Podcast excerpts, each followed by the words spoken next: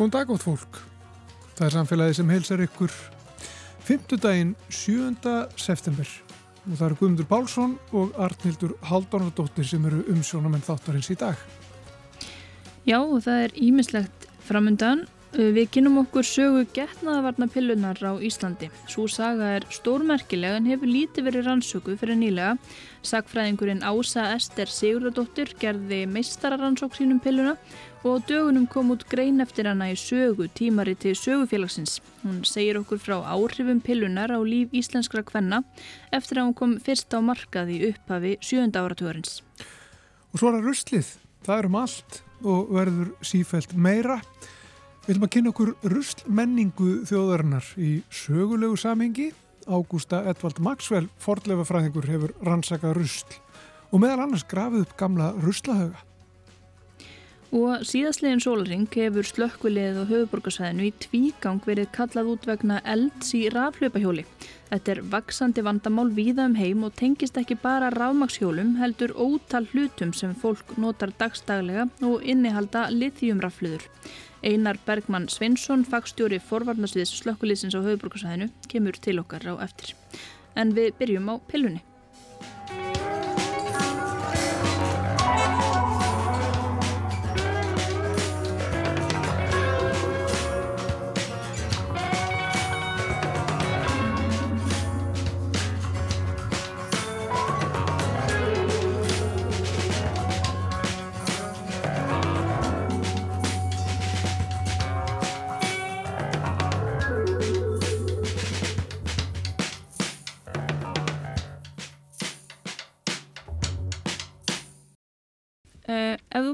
Byrjar á að, að kynna þig og segja mér hvers vegna þú ákvæmst að rannsaka þetta, pilluna.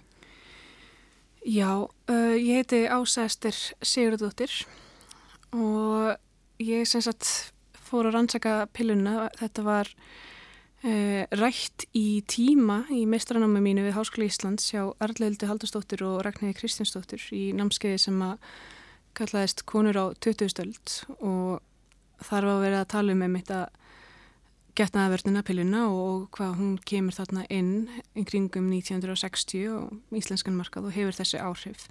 En þá minnast það er einmitt á að, að þetta sé efni sem hefur lítið sem ekkert verið rannsakað í íslensku samhengi og þarna var ég svona við það að fara klára námið og þurfti að fara huga að rannsóknarefni fyrir meistarreikirina mína og mér fannst þetta leikja bara svona rosalega vel við að rannsaka pilluna og sjá svona aðeins um hana.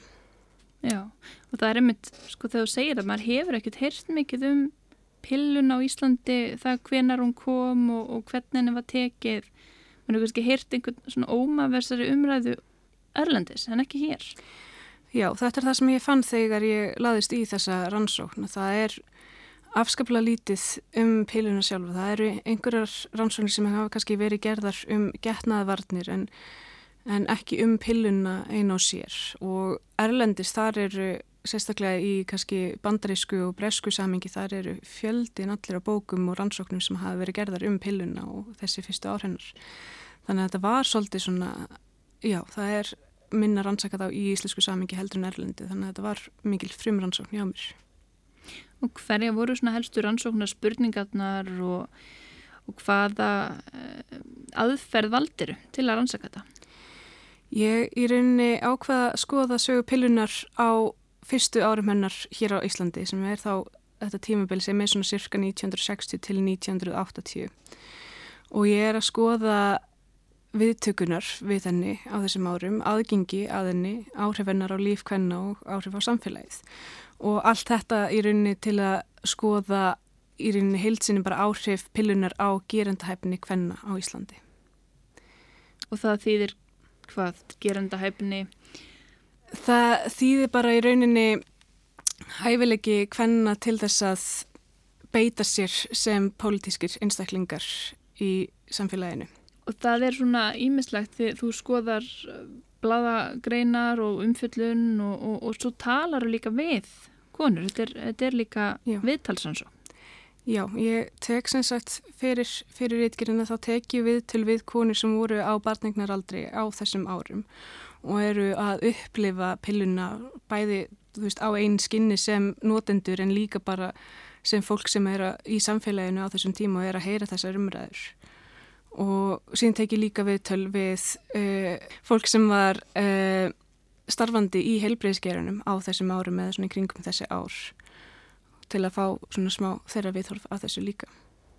Og hvernig var pillunni tekið? Sko, pillunni var vel tekið og það er alveg ljóst að konur tóku, tókunni fagnandi þetta var uh, þörf breyting af þessu leita því að þarna er loksins komin leið til að takmarka, takmarka vatningnir sem er örugari og meira í höndum hvernaheldur en áður hafði verið. En það er vissulega voru efasendarattir í samfélaginu þar sem fólk er að hafa áhyggjur af ímist aukaverkunum eða áhrif á uh, félagslega, félagslega hliðar lífskvenna og samfélagsins. Og var það sko, hvaðan komið þær rattir, var það innan kvennarhefingarinnar eða feministarhefingarinnar eða, eða var það svona kennivald læknastjættarinnar hverjir voru að tjá sig mest um þetta? Það gæti verið afskaplega mismunandi. Uh, við sjáum til dæmis uh, á þessum árum það eru umræður í blöðum og það er ofta verið að vísa í þennan lækni og hinlæknin og þar er þeir margir mjög ósamala um kosti pillunar og þetta eru oft frekar svona mis misvísandi upplýsingar sem við sjáum þar. Uh, síðan er þegar líður á þetta tímabil sem ég hef tekið fyrir þá sfer maður að sjá frekar, uh, frekari eversandarættir innan til dæmis kvennarhefinganar gagvart félagslegum hliðum pilunar þegar kemur að uh, kynlífi til dæmis og að uh, konur sé kannski vegna þess að það voru marga konur farnan að njóta kynlífis meira heldur en áður vegna þess að þeir voru þá lausar við áhugjur af ótímbarinn þungunum.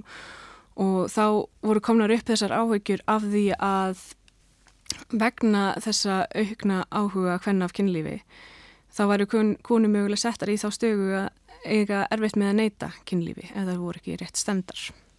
Ég sá að mitt, það var bara hérna, vitnað í eina konu sem þú tókst viðtal við, mm -hmm. ef við lesum bara upp hérna Uh, hún sagði kröfurna til hvernum að vera sexy og vakandi í rúminu fóru vaksandi nú þótti það gamaldags að vilja ekki sofa hjá. Það var erfiðara en fyrir að nota afsakanir eins og það er svo hættulegt núna eða ég er svo þreytt. Af því að það var í tísku og konur var í stöðu og oft þorðu konur ekki að neyta samförum að fræðslu við að þá færi ástmaðurum bara til þeirra næstu. Já, þetta er endar uh, ekki úr viðtali. Nú já, ok. Þetta er, maður sjá. Já, þetta er ef ég man er rétt þá er þetta úr forvetinu Rauð og Ingi Björg Pétursdóttir.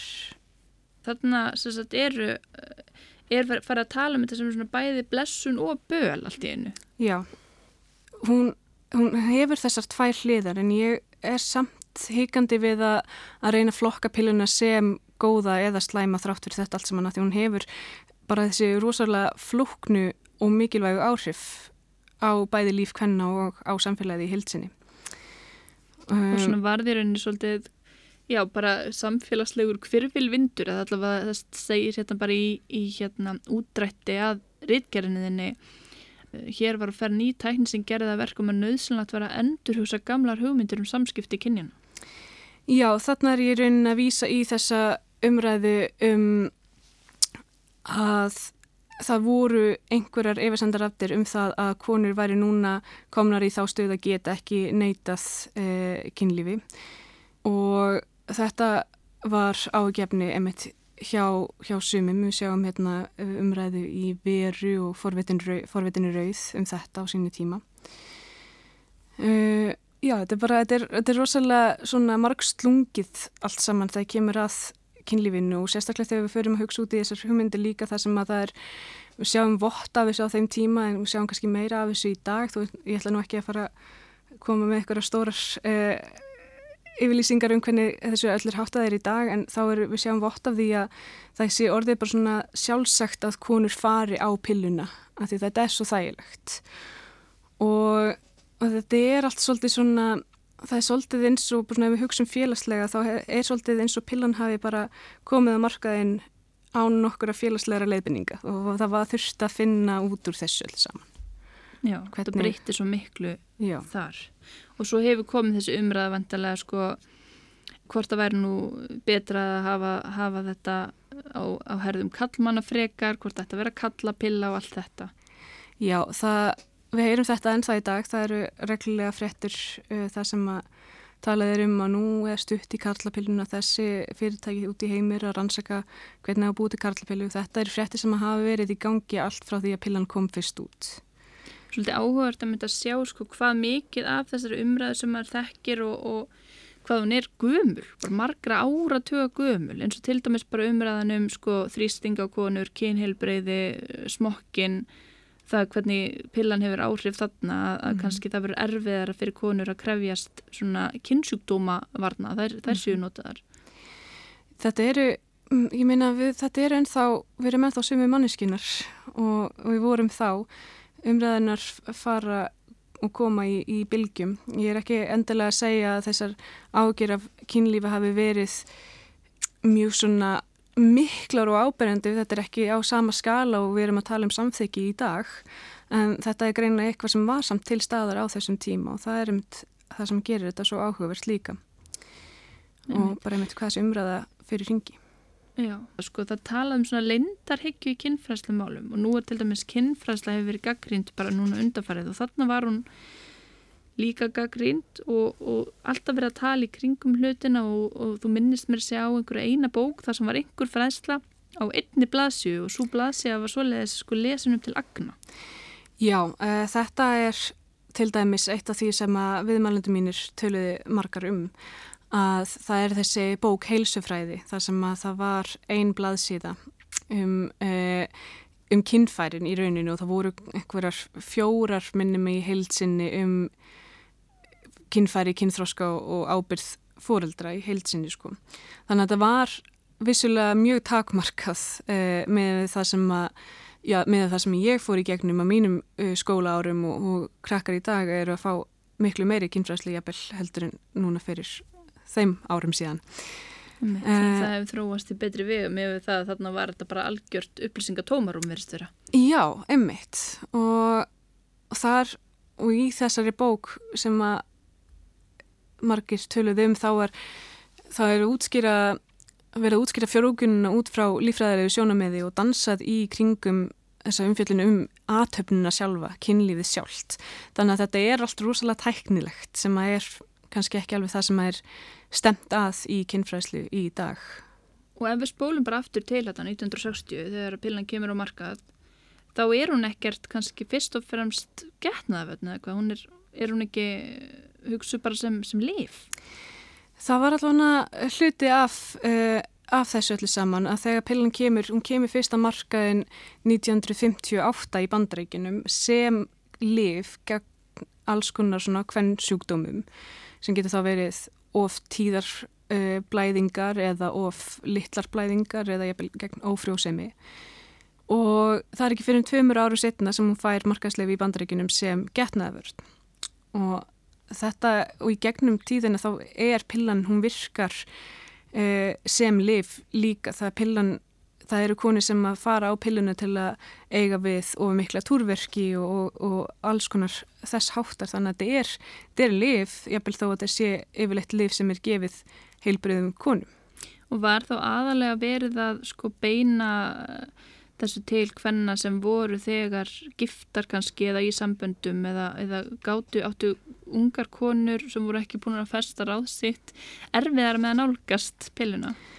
Það gat verið þannig erlendis í, eins og til dæmis í Breitlandi eða Mandreikinum en það verist ekki hafa verið uh, slík takmörk hér á landi. Einu skilirum verist hafa verið að stelpur þurftu að hafa verið kynþróska og þá helst kannski kynþróska í nokkur ár og síðan að þær væru heilbreyðar og væru þá erlendi ekki í áhættuhópi fyrir krabbameini eða blóðtappa sem voru þekktar aukaverkani sem gáttu fyllt bylunni. En annars virðist það hafa verið bara svona frekur opið hverju gáttu fengi pilluna hér á landi. En þó heyrir maður einstakar sögur af einstakar læknum sem gáttu kannski seti kannski fastra á henni heldur en aðrir.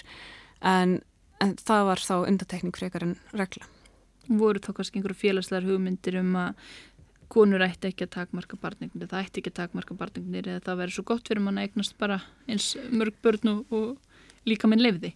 Já, ég meina það, samfélagi hefur alltaf haft ákveðna skoðanir á barnignum hvenna og hversu mörg bett það ætti að vera og þetta var ekkit öðruvísi þá og að einstaklega læknar sem kannski hefði þessa skoðanir og leti þær vita sumar konunar að þeim fannst þetta kannski ekki vera alveg málið en það er eins og segi, það eru einstæmi frekar heldur en regla en þetta, er, þetta var þekkt og ég nautum eitt þegar ég var að skoða þetta að þegar við varum að tala um sko hvenar pillunni skildi ávisað mm -hmm. að þá var talað um geðræna ófrjósemi, ef mann rétt Hva, hvað er það? Þetta er sem sagt úr auglýsingu fyrir pillunni sem ég fann í laknablaðinu frá 1962 þetta er elsta auglýsingin fyrir pillunni. Og þetta er sérstaklega fyrir tegundinni annoflar og það er gaman að segja frá því að ég sérstaklega skrifaði grein um pilluna sem kom út í síðasta eða nýjasta tölublaði af sögu, tímariti sögufélags. Og við sjáum á, það er á forsíðinu á þessu riti, þar er myndin úr auðlisingunni sem er rosalega flott rauðmynd En það er svona ringur og svo er uh, punktur inn í sem vantilega er ekkið eða ekkið eða pillan eða, eða pillan, já, já þetta er opið til já, en áhugaverð svona abstrakt mynd, það geta alveg hugsað sér þetta upp á veggangstöðar algjörlega. Og sem sagt í þessari auðlýsingu þar segir fyrir neðan þessa mynd að uh, annúlar sé örugt, þú list sérlega vel betri heimil á tíðatímabilinu Uh, og síðan er listi hérna sem segir tíðaþrautir, legkirtla, axli, geðræn, ófrjósemi og lækning, lækningalega ráðleg getnaðverð.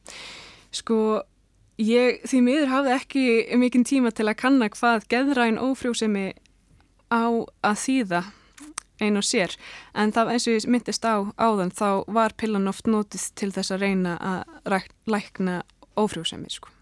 Já, já það, það var kannski það, ég hugsaði sko hvort þetta væri í rauninni, hvort það getur en ófrúsumi væri mögulega laungunin til þess að eignast ekki börn, eða en það er kannski frekar það að þetta hafa átt að laga einhvers konar Já, já emmitt, ég er bara eins og segja, ég get ekki sagt um það Orðalega og áhugavert, hugtak hvað sem er. Já, algjörlega En á þessum tíma, sko, hvað voru konur í Íslandi fljótar að stökka á, á vagnin og, og byrja að nota pilluna? Var þetta stórt hlutfall sem að fara að nota hann bara nokkrum árum síðar? Já, þetta var tilturlega fljótt, fljótt gert. Uh, konur í Íslandi tóku töluvert vel við pillunni þegar hún kemur á markað eins og konur allstaðar um heim og þetta hefur það verið bara í rauninni ótrúlegt, ótrúlegt frelsun frá því að þurfa að hafa sífældar áhugir af því að vera árið nólegt aftur og, og kannski einmitt dæmum að konur hafi verið að, hafa börn sín sem allra allra lengst á brjósti til þess að koma í veg fyrir óléttu og alls konar hérna grasa fræðilegar lausnir vallum, allum, marjustakkur og eitthvað. Eh, Að reyna takmarka að barnignir er einhvað sem að konur hafa alltaf reynd að eiga við. Þetta er einhvað sem, að, sem er bara sameigilegt held ég bara konum um allan heim og þetta er bara því að eins og segir það er bara ef ekki aðeins bara til þess að geta brúa bylið aðeins lengra á milli barnana að hafa lengra byl og þessar aðferðir hafa væri margari mitt og mismundi og misgóðar sumar líka En þannig allavega þurftu konur ekki að eiga eitthvað óþægilegt samtal við lækni sem kannski var á því að það rættu bara að halda áfram að eiga börn með stuttum millibæli þángu til að færa á breytingaskeiðið og þurftu heldur ekki að fá einhvers konar samþykki sko makasins fyrir því að, að meiga takmarka barnignir af því að þeir voru kannski ekki samvolaðið hvenar væri komið nóg.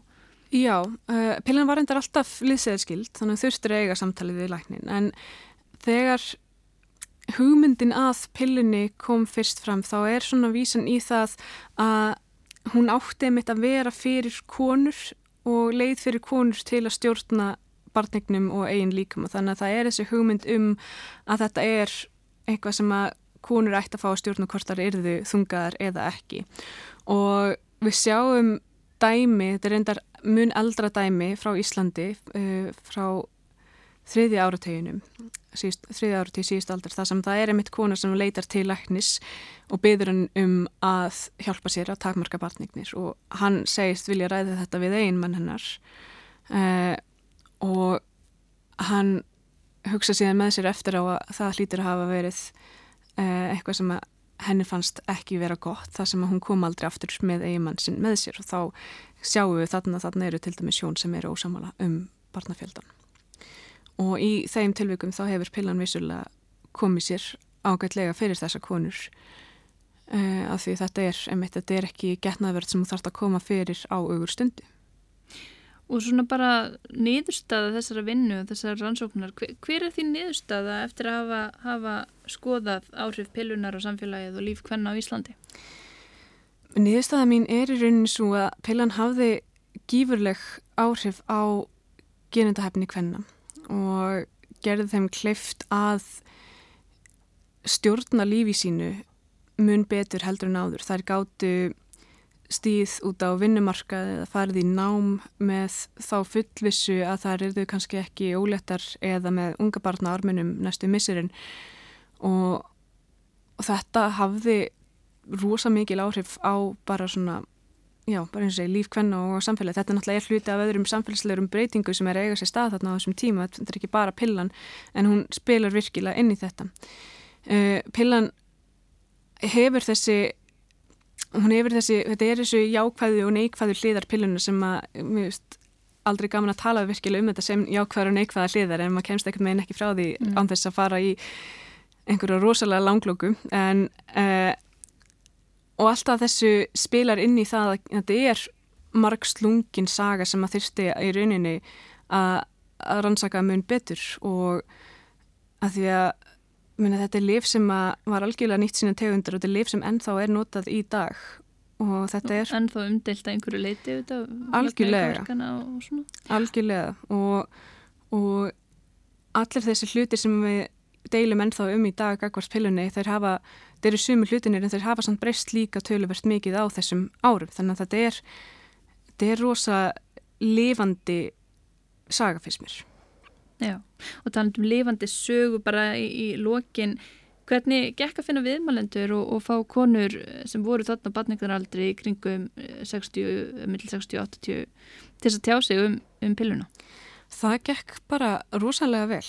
Það voru, það voru konur sem ég fór að talaði við og það voru allar alveg indislegar og ég bara ber þeim bestu þakkir og það var frábært að spjalla við þær og það gaman að sjá mismundi viðhorf gagvart þessu öllu saman. Sumar voru mjög til í að tala um þetta og meðan aðrar voru svona já til í þetta en kannski svona aðeins meira heikandi heldur en aðrar og það bara er allt í fínasta.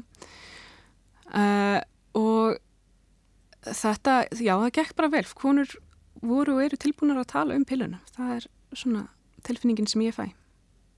Nefnitt. Uh, já, bara kæra þakkir fyrir spjallið ásæðastir. Takk fyrir.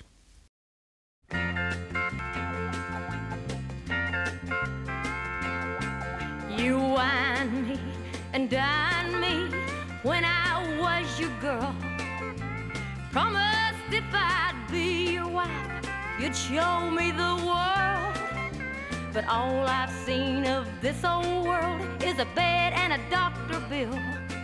I'm tearing down your brooder house, cause now I've got the pill. All these years I've stayed at home while you had all your fun. And every year that's gone by, another. There's gonna be some changes made right here on Nursery Hill. You set this chicken your last time, cause now I've got the pill.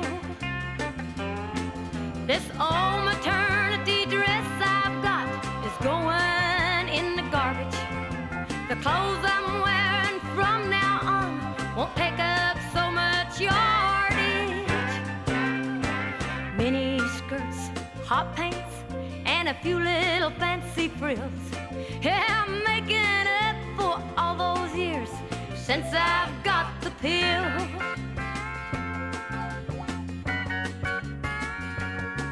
I'm tired of all your crowing, how you and your hens play while holding a couple in my arms, another's on the way. This chicken's done tore up her nest, and I'm ready to make a deal. And you can't afford to turn it down, cause you know I've got the pill. This incubator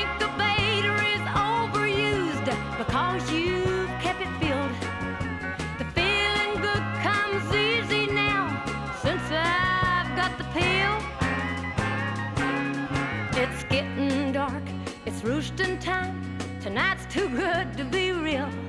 Oh, but Daddy, don't you worry none, cause Mama's got the pill. Oh, Daddy, don't you worry none, cause Mama's got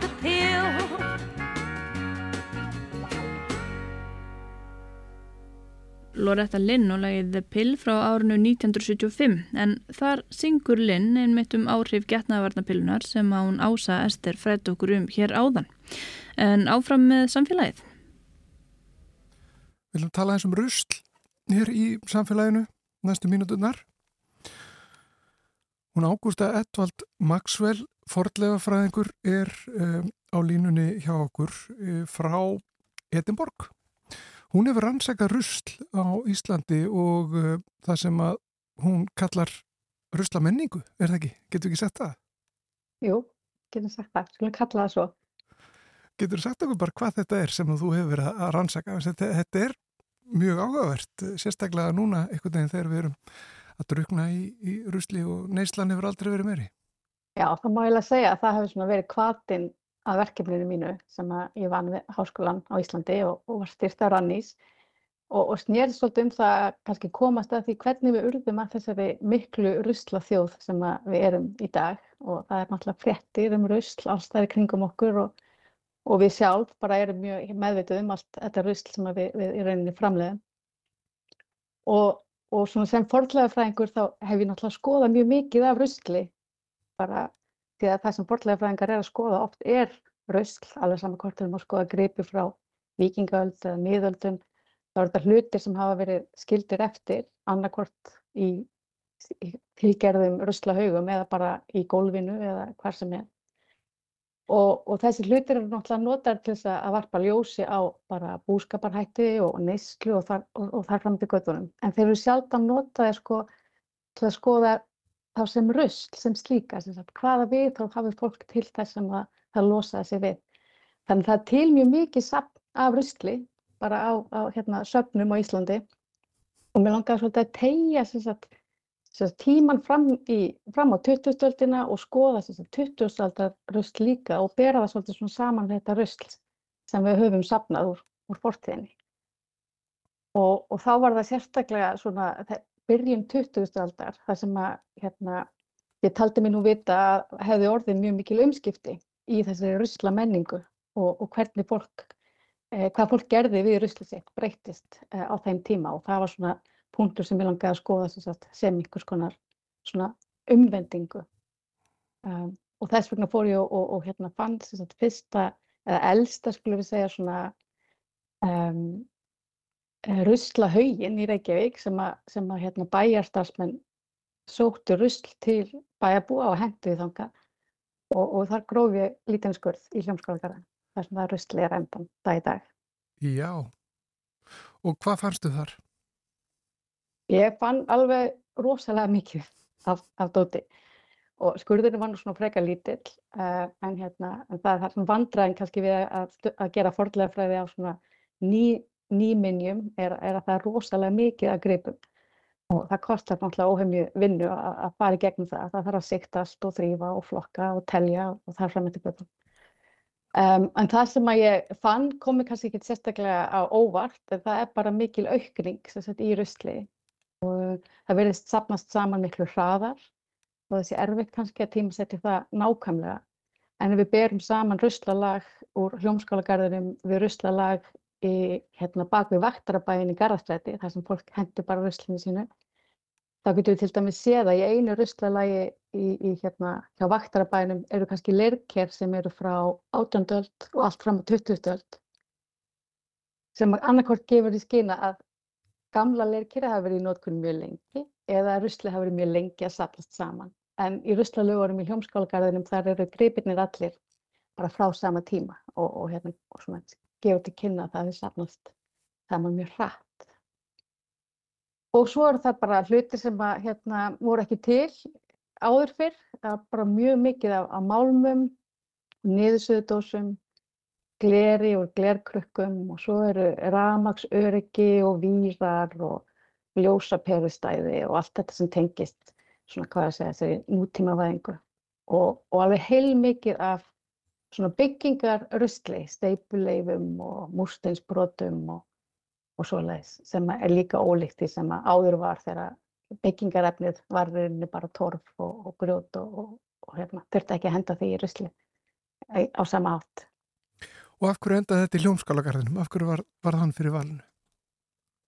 Það hefur bara aðalega verið vegna þess að þar hefur þótt bara eftirsöknarvert að hækka í rauninni vassborði. Þetta er svona landfylling sem við þekkjum bara ruslir en, en notað í þeim tilgangi og, og það hefur líka verið gert alveg frá vikinguöld þegar hérna, landnámsmenn til dæmis á skútustöðum hendur ruslinu sínu í gerfigíga til þess að fylla upp í, í sprungur í túninu og, og þar fram eftir göttunum. Að þetta er bara svona stef sem hefur, hefur fyllt eh, hérna mannkyninu lengi og ég held að þetta bara verið til að fylla upp í mýrina sko og ábyggilega þægilegu staðu líka bara að koma að stað.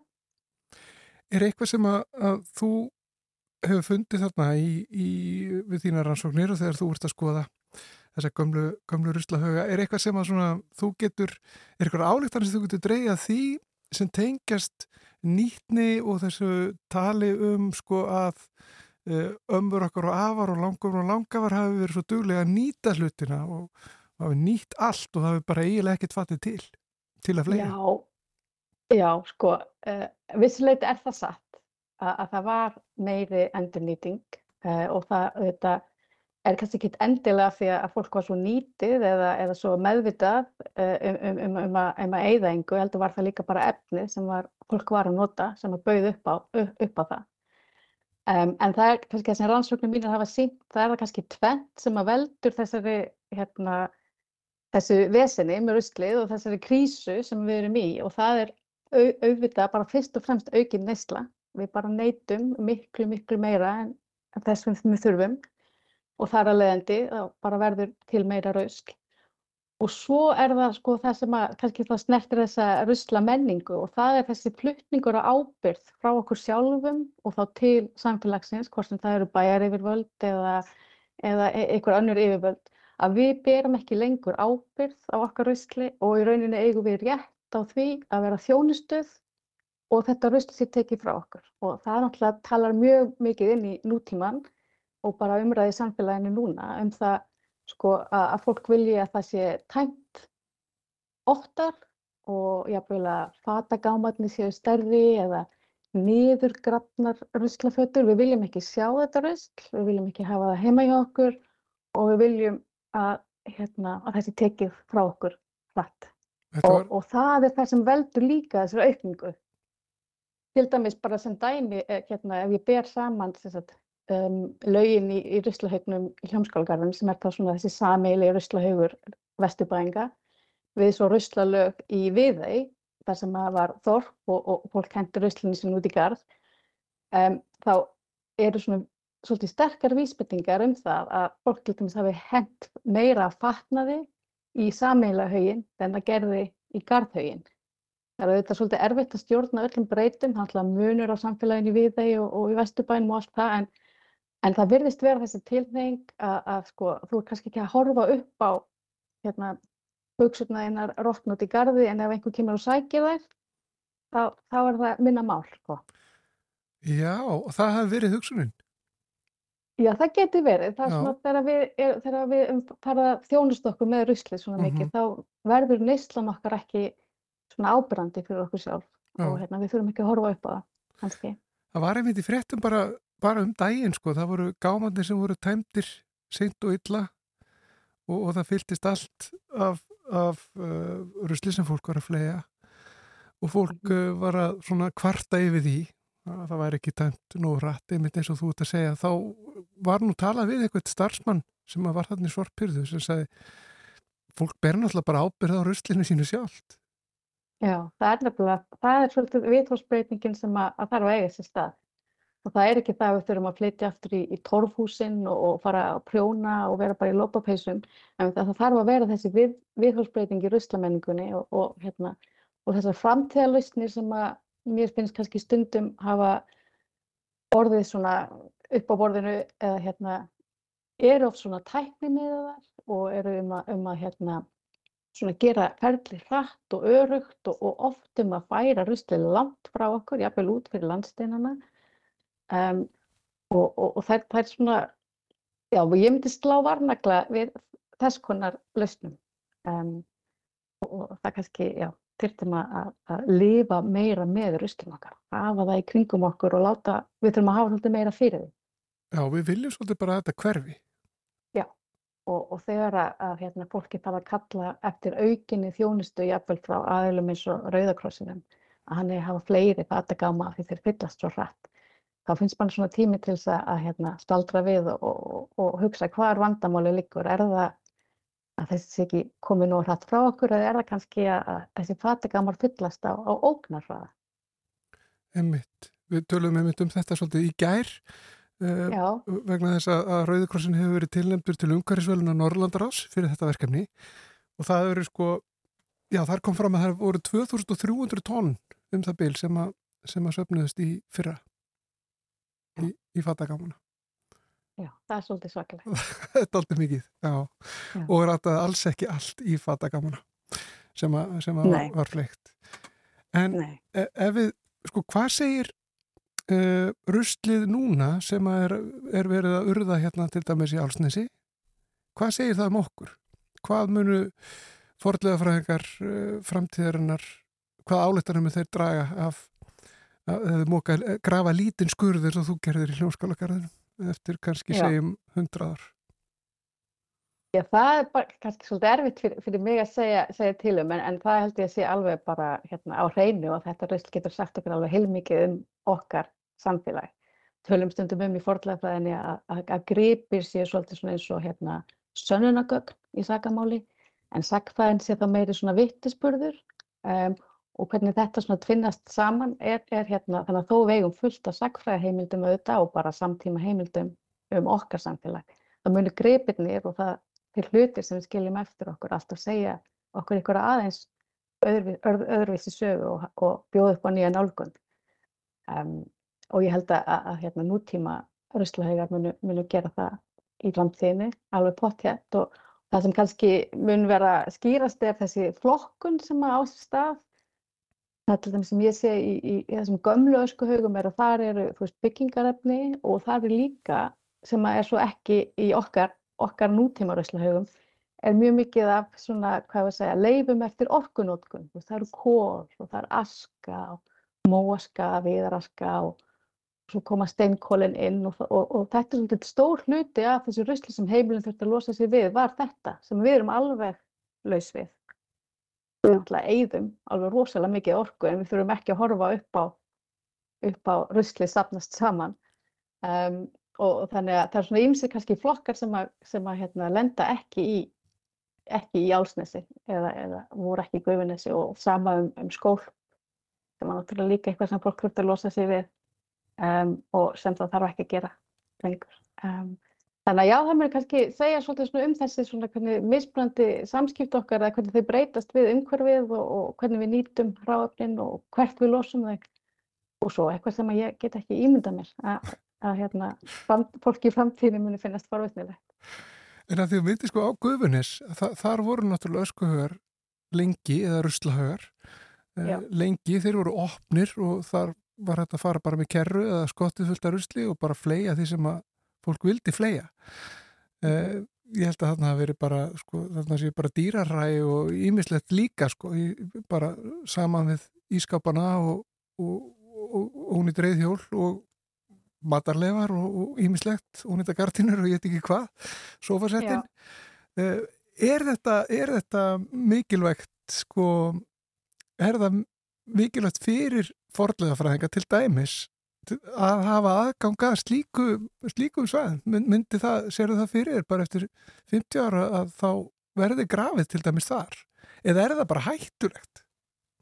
Það er náttúrulega að væri að vissuleiti ábyggilega hættulegt og það þurfti að gera mikla ráðstafnir uh, til þess að reyna að gera það á sem örugastan hátt. En, en það hafa verið gerðar svona forðlega rannsóknir á svona haugum, uh, sérstaklega hefur það verið gert í bandaríkjunum, þar sem að við háskólan í Arizona þar var stofna bara sérstaklega rannsóknarverkefni sem var í gangi mörg, mörg, mörg ár sem hétt hérna bara Garbology. Og þar var farið inn í þessar svona landfyllingar eða hvað þetta heitir og, hérna, og þar voru notaðar bara svona borar. Og það var bara borað niður og svo kom bara upp bara svipa og við myndum gera þegar við erum að leita af, af eldri fórlöfum, nema bara kannski miklu stórtækari vélar. Og þar var hægt að sjá bara hvernig hérna, hverju var hent en líka hva, hva, hver er rótnunarhraðinn og, og, hérna, og, hva, og hvað gerist inn í þessum haugum sem er náttúrulega líka hérna, verðugt rannsóknarverkefni. En það kemur eiginlega alltaf í ljós þegar þessar rannsóknir eru gerðar að það sem við höldum og segjumst henda, það er ekki það sem við hendum. Það er alltaf einhver doldið mikill munur á því. Og, og til dæmis í þessum ruslahaugum þá var kannski plast ekki svo mikið vandamál, þetta var það pappir. Það var aðalega pappirinn sem var að fylla þessu hauga því að hann svona, hann hérna, sérstaklega í þessum, nú, nú er þetta farið að verða alltaf flókið, sérstaklega í þessum sko hérna á þessum svæðina sem hafa, sem hafa verið hönnuð til þess að það leki ekkert úr þeim og það kom ekkert vatn inn í þau, það er bara, þar varðveitist bara pappirinn mjög, mjög, mjög lengi. Það er náttúrulega mikilvægt að hann sé ekki fara á þessa staði. Um, og svona ímislega svona hérna vísbendingar sem að hérna geta svo hjálpa okkur að, verða betri í því að, að hérna henda og Já. nýta. Þannig að það er, það er líka verið að rannsaka sem sagt bara hvernig, hvað verður um ruslið eftir að það búið að, að urða að það til dæmis, sko, bara hver, hversu langa tíma það tekur að, brotna niður og hvað brotnar fyrst niður og hvað er vesen og hvað er vandamál og hvað brotnar ekki niður og við hvað aðstæður. Algjörlega, því að, ru- já, já, því að rusl er auðvitað, lík, er auðvitað okkar rusl og, og hérna, kemur frá okkur úr okkar menningu en, en svo eru það náttúrulega líka bara hlutir og Mhm. efni sem að eiga í samskiptum við ýmsa bara umhverfið og örverur og, og vatn og veður og vinda og, og það líf skiptir líka máli og við þurfum að skilja það svona, það líf ruslsins líka til þess að geta tekið góðar ákvarðanir. Ágústa, ég þarf að fara að stoppa þetta vegna þess að þetta er að vera alltaf langt. Eh. Við höfum ekki, ekki, ekki, ekki mikið lengri tíma en bara svona í lokin eh, verður framhald á þessum rannsóknu þínum. Ertu ennþá að róta í rusli? Ég er ennþá svona að vinna dálítið úr hérna, heimildunum og úr gögnunum en, en hérna, verkefninu er enn og reyndast formulega lokið. En, hérna, en, en, en þetta mér ábyggilega verða, hérna, verða að nýju verkefni áður en langt um liður. Skulum ljúka þessu svona Ágústa Edvald Maxwell fordlega fræðingur. Kæra þakkir fyrir að, að gefa þið tíma til að tala við okkur um þetta. Já, takk sem leiðis.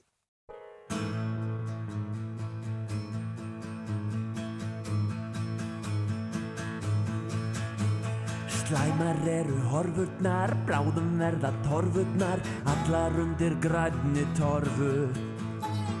Slæmar eru horfurnar, bráðum verða torfurnar, allar undir grænni torfu. Við setjum nú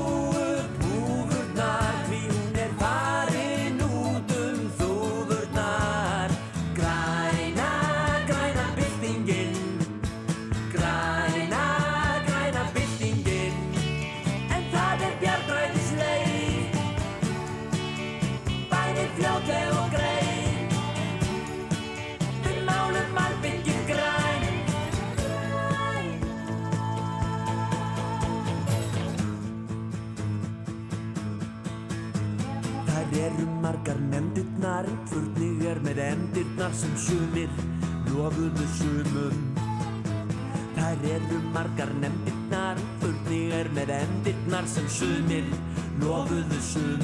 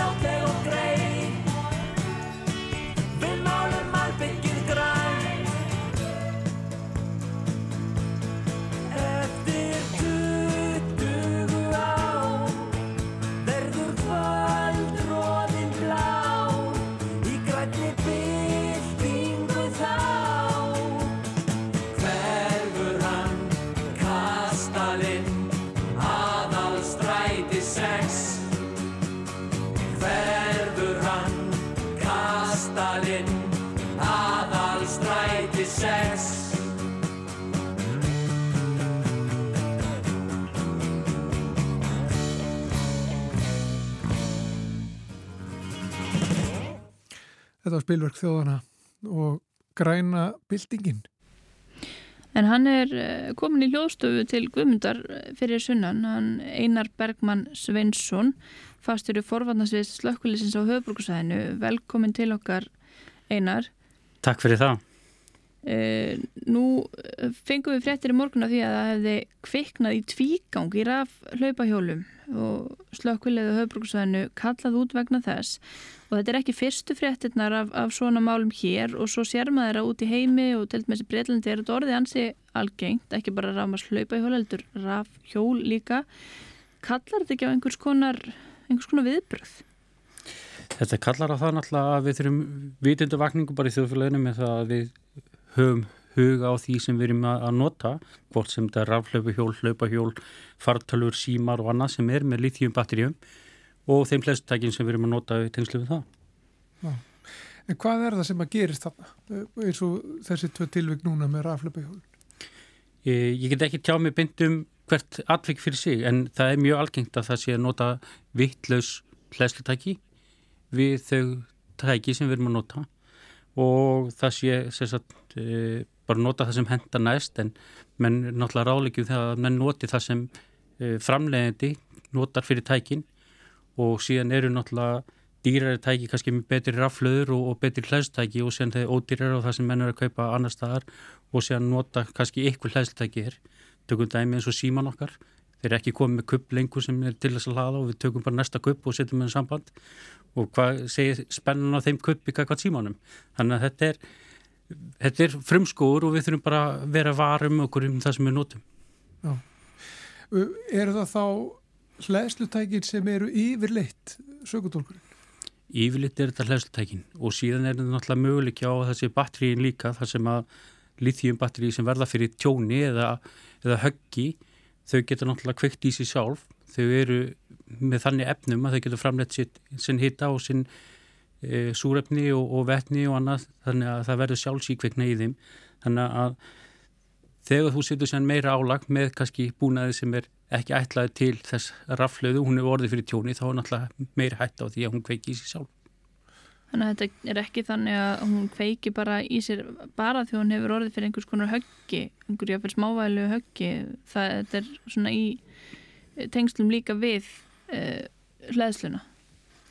E, Þetta er náttúrulega bara spurningum það að þetta er bæði hlæðstækið, spennan sem er sett inn á, á raflöðuna, tegundir raflaðana, það er náttúrulega mismundi gæði raflaðana eins og mismundi gæði mörgu öðru. Og síðan er náttúrulega bara hlæðstækin, er menn að nota rétt hlæðstæki fyrir rétta hluti. Því að það, eða, það hefur hafa komið tilmæli um það að fólk sé ekki að hlaða uh, hlaupahjólinn inni hjá sér, ekki í íbúða rými en um, þú er nú nefntið það nokkur fleiri tæki, það er erfitt að setja þau öll út á gang.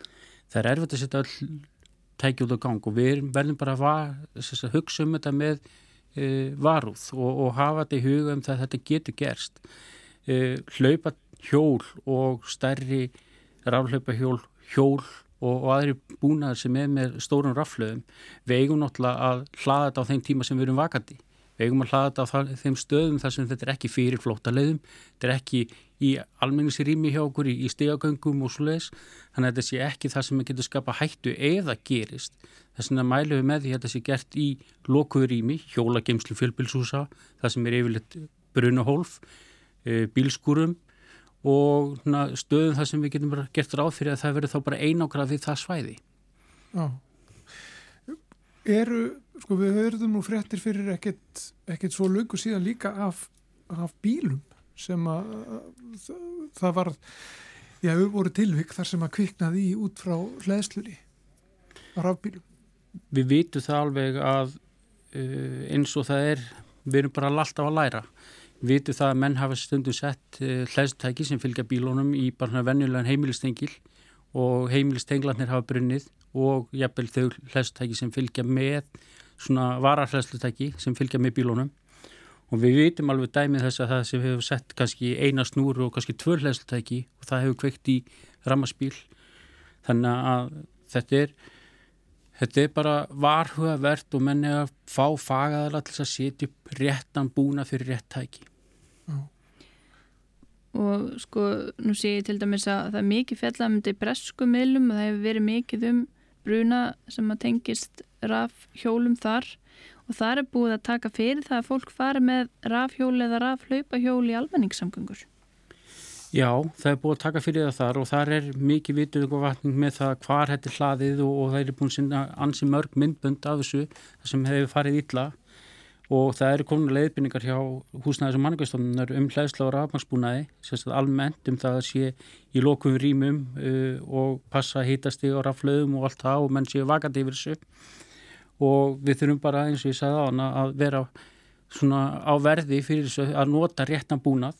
Þetta er uh, hættulegt að, að þegar þetta fyrir að stað að þá gefur þetta mikil gös frá sér og, og, og þetta verður til til að hraðu bruni þetta fyrir að stað og vil sprengingar eða ekki.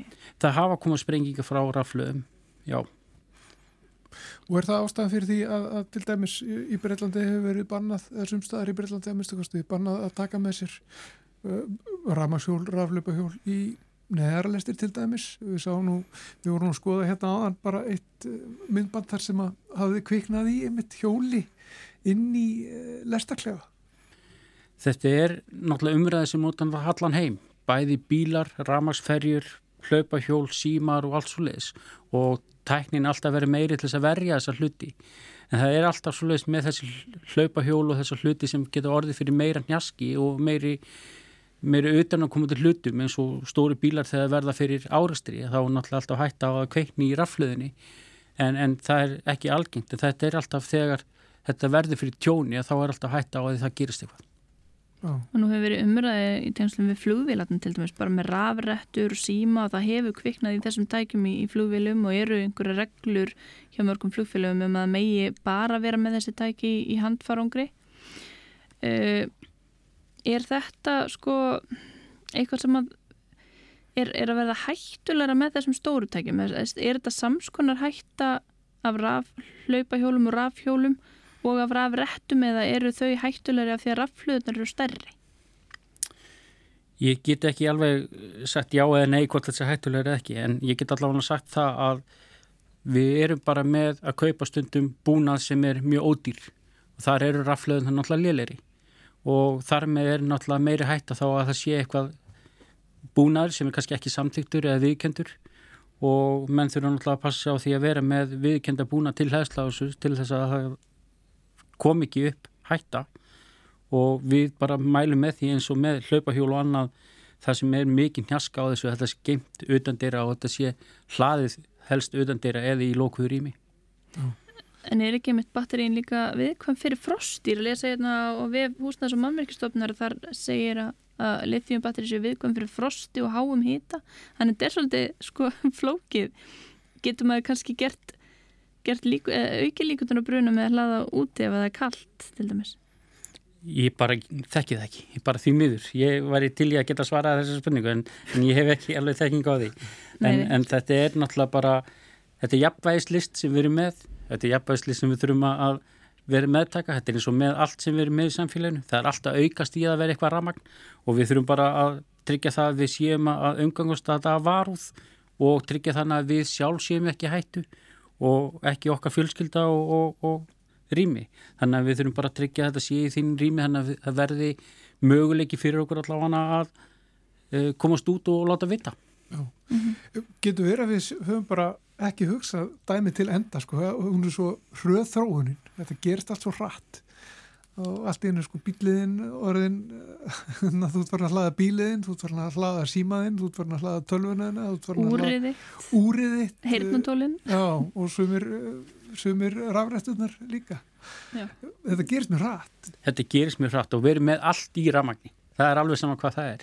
Og það eigur álaga öll kerfi, það eigur áhrifa á, álaga á ramastöflur og, og innviði og þetta eigur líka álaga það að við þurfum að, að þá að fá fagaðila til þess að fara yfir hlutina, sjátt hvort þetta þóli það álag sem er eins og þegar menna setja upp hlæstustöður og annað, það sé tengt rétt.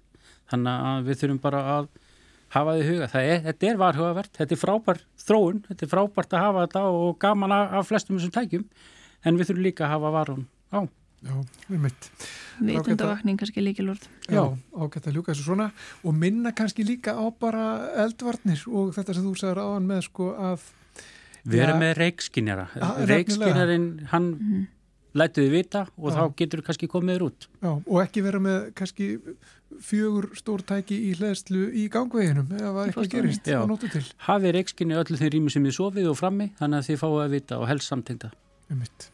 Kæra þakk fyrir komuna Einar Bergmann Sveinsson. Við ætlum að láta þessu lokið með þessu uh, orðum Einars og uh, byggðu fólk bara um að fara varlega og vera vakandi fyrir þessum hættum Já, ekki laða nóttunni. og ekki láða nóttunni, ekki þessi stóru tæki að minnstakosti. En uh, samfélagi verður ekki lengra að þessu sinni. Við verðum aftur á okkar stað Guðmundur Pálsson og Arnhildur Haldunardóttir á morgun. Takk fyrir í dag.